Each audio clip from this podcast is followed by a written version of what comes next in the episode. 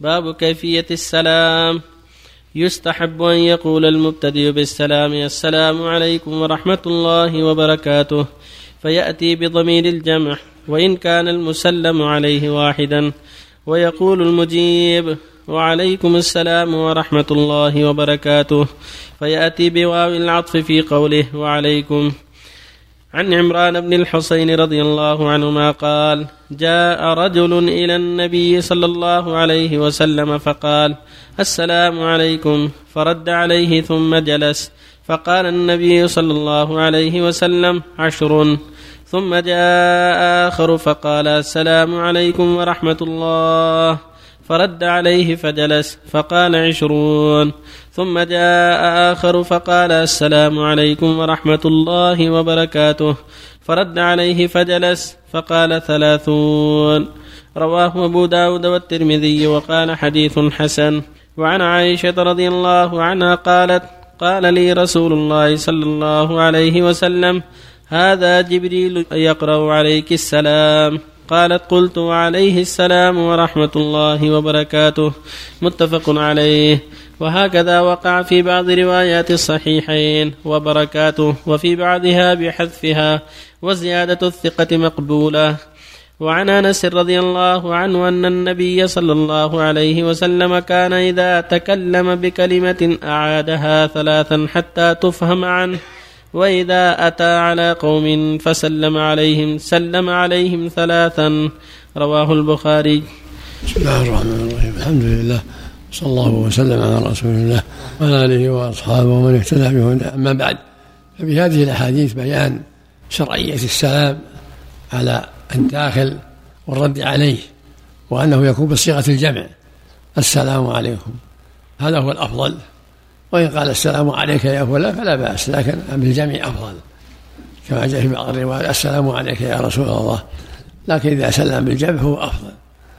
وإذا كرر مرتين أو ثلاثة يكون أفضل. ولهذا قال الله جل وعلا وإذا حييتم بالحية فحيوا بأحسن منها. أحسن منها أن ترد أكثر. أو ردوها أن ترد ما قيل لك فقط.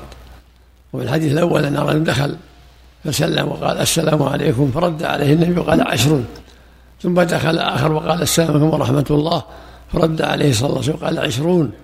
ثم دخل ثالث فقال السلام عليكم ورحمة الله وبركاته فقال ثلاثون. هذا يدل على أن السلام عليكم بعشر حسنات والسلام ورحمة الله بعشرين حسنة والسلام ورحمة الله وبركاته بثلاثين حسنة والحسنة بعشر أمثالها. هذا ينبغي للمؤمن كذلك. وفي الحديث الثاني فضل عائشة وأن جبرائيل بل أمر طلب من النبي يبلغها السلام. قال هذا جبريل يسلم عليك يقرأ عليك السلام. فقالت عليه السلام ورحمة الله وبركاته. فالأول الآخر ترى يا رسول الله ماذا نرى. وفي حديث آخر أن خديجة قرأ عليها ربها السلام. قال هذا إن الله يقرأ عليك السلام يا خديجة. قالت منه السلام وإليه السلام عليه جل وعلا. هذا في فضل عائشة وفضل خديجة رضي الله عنهما. كذا كان النبي إذا تكلم بكلمة أعادها ثلاثا حتى تفهم عنه. وإذا سلم سلم ثلاثا حتى يفهموا. إذا كان جمع كثيرين كرر السلام حتى يبلغهم وحتى يعمهم ويفهموا. فإذا سلم الإنسان على قوم وخشي ألا يكون ألا يكونوا بلغهم كرر ثلاثة أما إذا بلغهم المرة الأولى وردوا كفى والحمد لله. وفق الله الجميع. بارك الله فيكم. يعني لم يسمعوا السلام الأول. له أن يرد السلام ثلاث مرات فقط؟ نعم. إذا لم يسمعوا في المرة الأولى السلام. عليه أن يكرر المرة الثانية الثالثة؟ يرد إذا إذا سمع يرد إذا سمع نعم. وكان في البيت يعني دخل في البيت ما في أحد. يفهم أن الملائكة قد ترد السلام؟ ما بلغ عني شيء في هذا. إذا دخل البيت في حي يسلم ما في أحد ما يحتاج السلام أحسن الله عمل زيادة الثقة مقبولة مطلقا. إذا لم تخالف من هو أوثق. إذا لم تخالف من هو أوثق. يقول الحافظ في النخبة وزيادة رأويهما يعني الصحيح والحسن. مقبولة ما لم تخالف من هو أوثق. نعم. قول عليه السلام سبعة يظلهم الله. المراد بالظل عند أهل السنة. الله أعلم. ظل يليق بالله. لا يعلم كيفيته الا هو سبحانه. ظل عن الشمس يعني؟ نعم. عن الش... عن الشمس الذي يوم فيها؟ نعم. أحسن الله إليك. إذا تكلم كرر ثلاث مرات. يعني يؤخذ هذا من الكلام. يعني إذا إنسان تكلم أن من السنة أن يتكلم مر... يعيد ثلاث مرات الكلام. ليس فقط في السلام.